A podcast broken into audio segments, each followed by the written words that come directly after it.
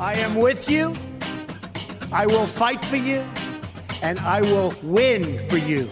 Folks, winning means uniting America, not sowing seeds of division and anger and hate.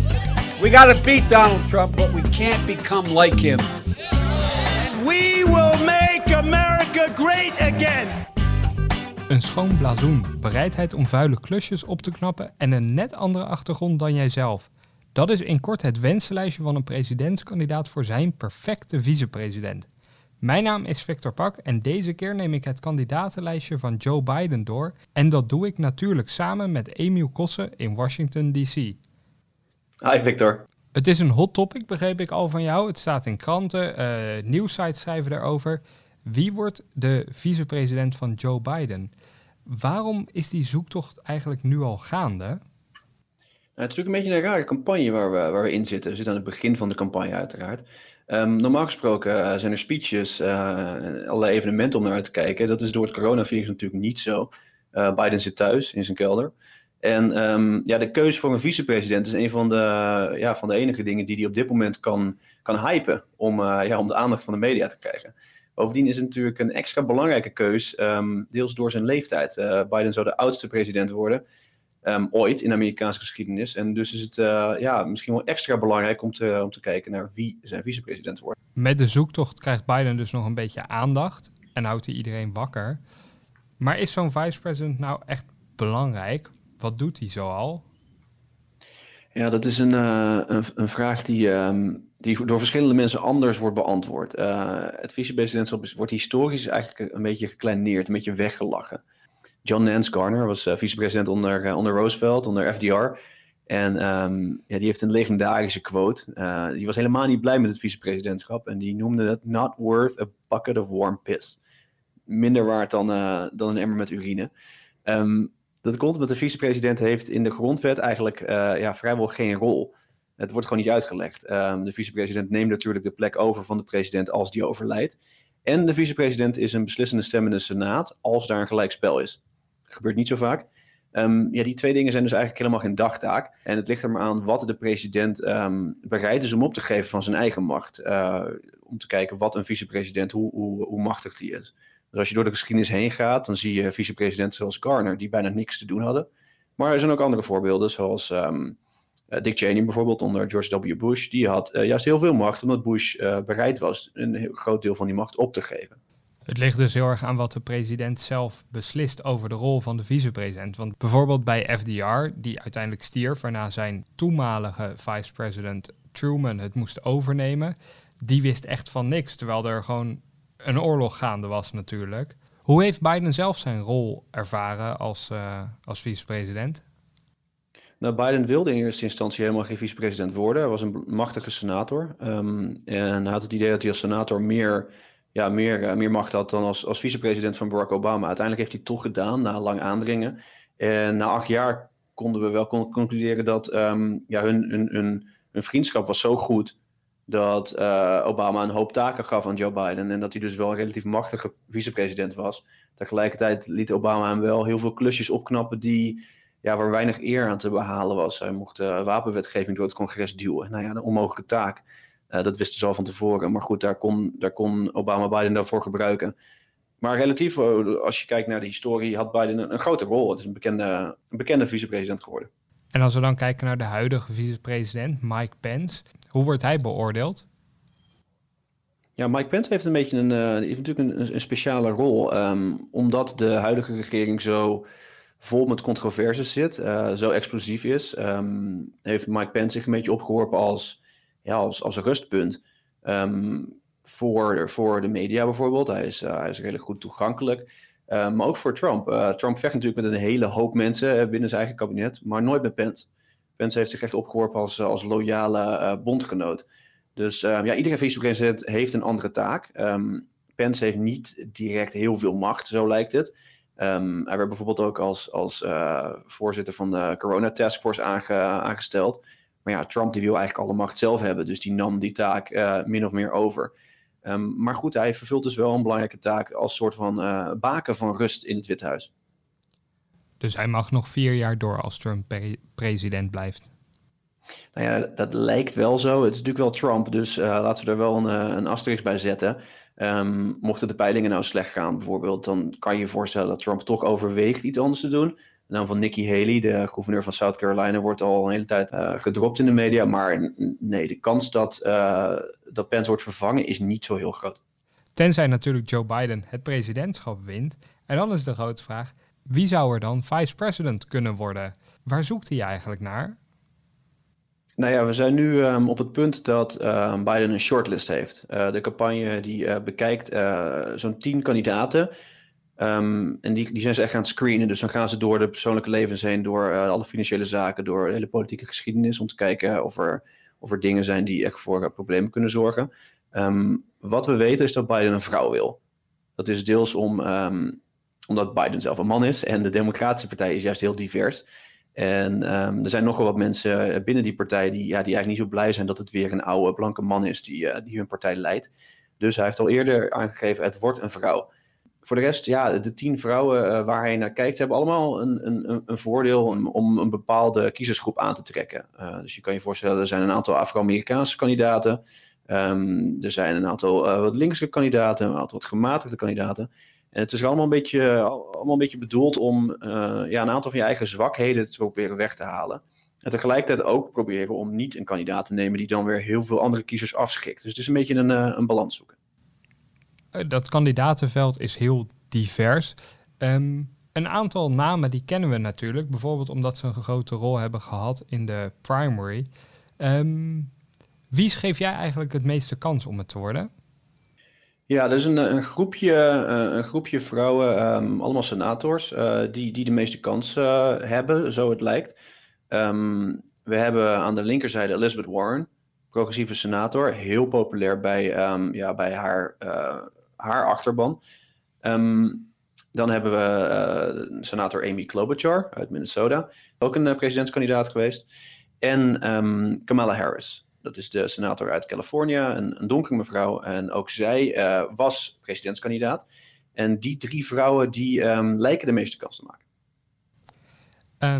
Laten we ze alle drie even stuk voor stuk uitlichten wat er positief en minder positief aan is. Als ik aan Warren denk, dan denk ik eigenlijk direct ook aan Bernie Sanders.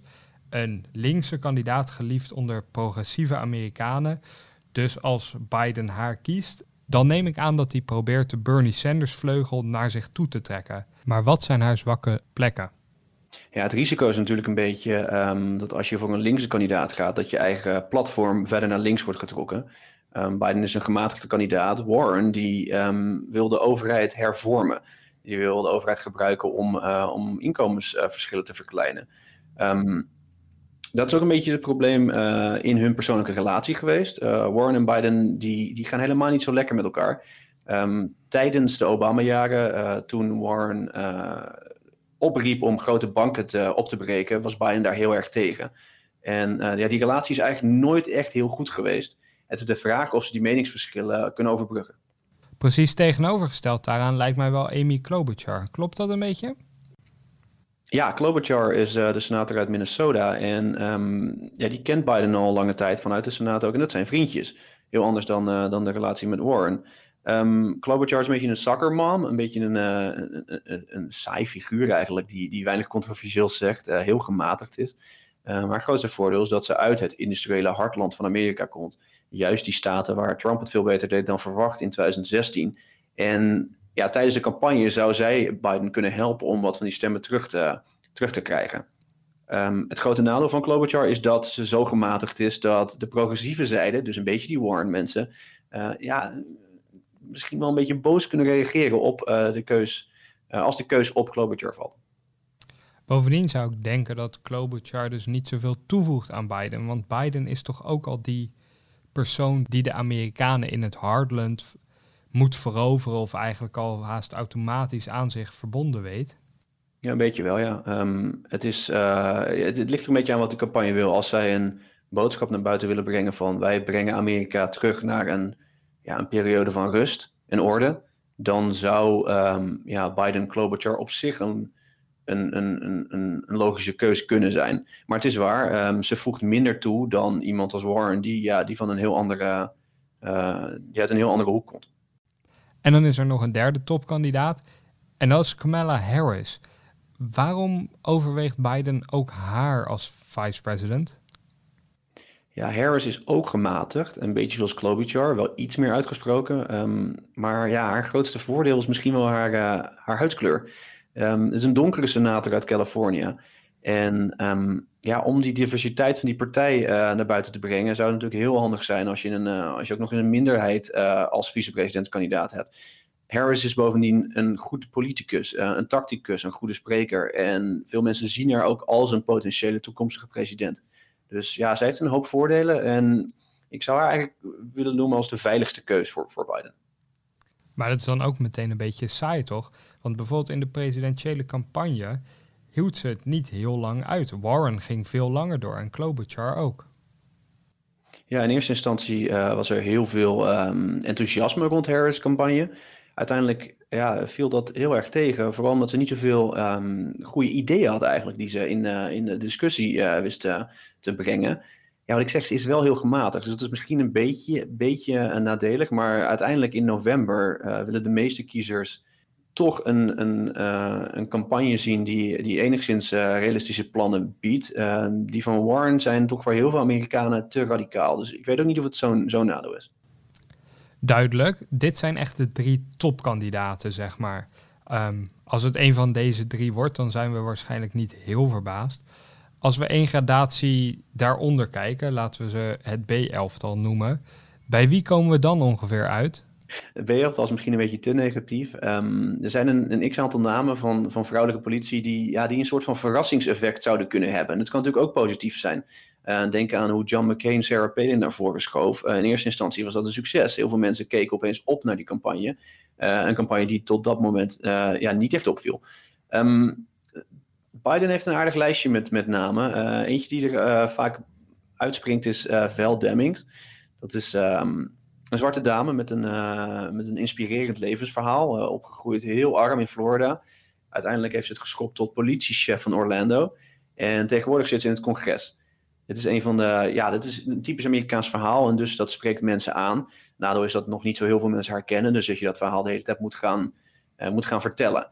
Um, een ander is um, Michelle Luen Grissom. Dat is de enige uh, Latina die uh, serieus wordt overwogen. Dat is de, de gouverneur van New Mexico op het moment. Um, maar goed, dat is ook een beetje een naam om te laten zien aan iedereen dat er ook Latina's worden overwogen. Maar ik denk dat, dat haar verrassingseffect zou een stuk minder zijn. Gretchen Whitmer is, is, is wel een interessante naam. En dat heeft natuurlijk alles te maken met het coronavirus. Want als gouverneur van Michigan staat zij lijnrecht tegenover Trump uh, de afgelopen periode. Ze maakt echt ruzie met de president. Ze vindt dat de president te weinig aan de bestrijding van het coronavirus doet. En zij werpt zich op eigenlijk als soort beschermheer van Michigan, die het coronavirus wel serieus neemt en haar bevolking uh, probeert te beschermen dus. Ja, binnen een paar maanden tijd is opeens een ster geworden binnen die partij. Uh, in januari kende vrijwel niemand Gretchen Whitmer.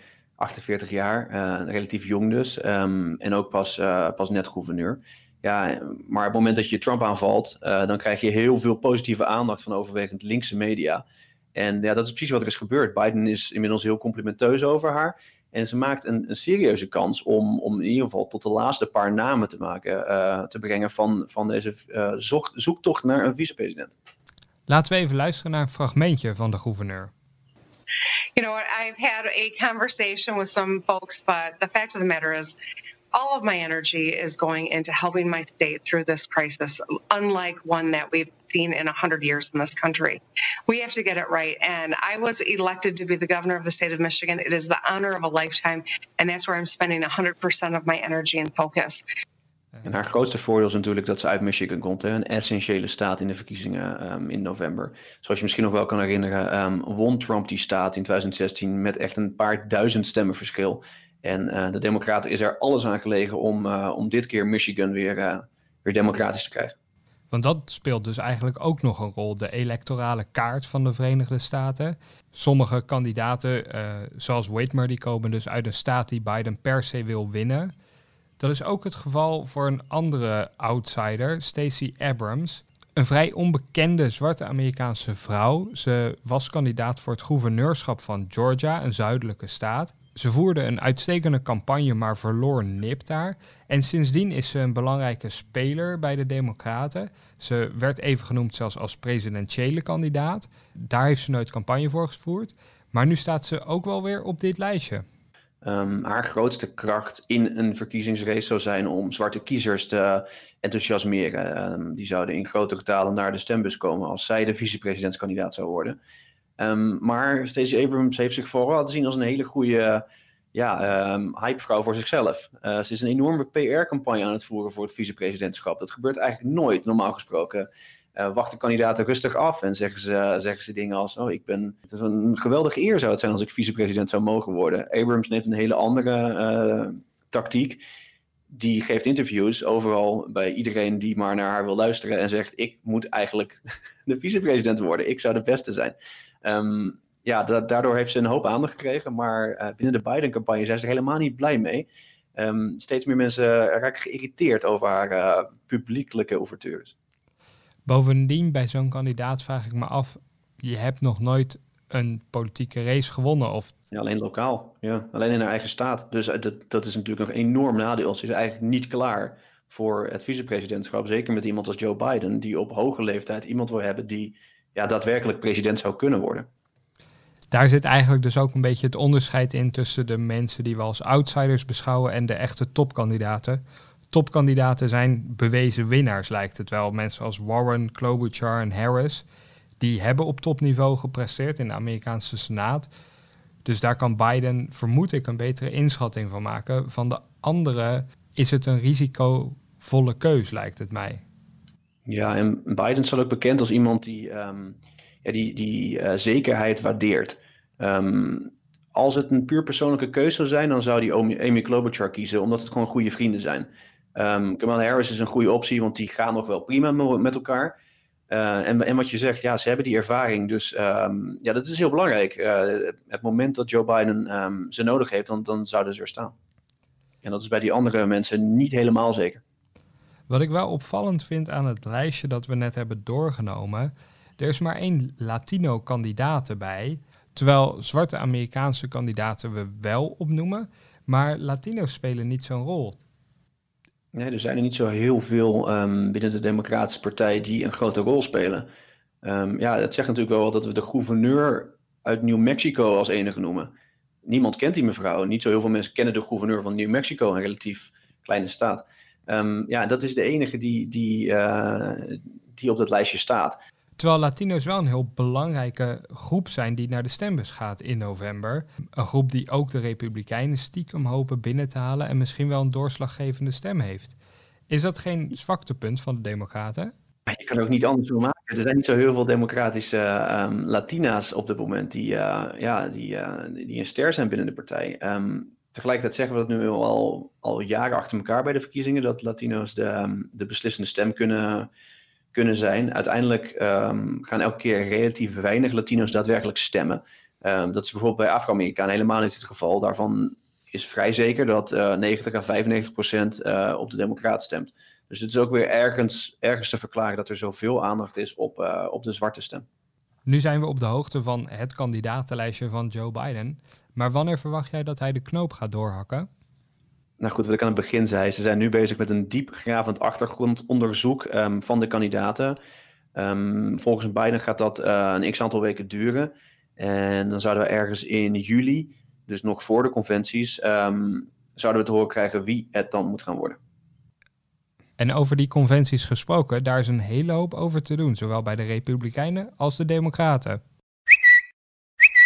The president, as you know, has been tweeting today about Puerto Rico. As we sit here testifying, the president is attacking you on Twitter. Twitter is a wonderful thing for me because I get the word out. We gaan het eerst even hebben over uh, de Republikeinen, want Trump tweette daarover.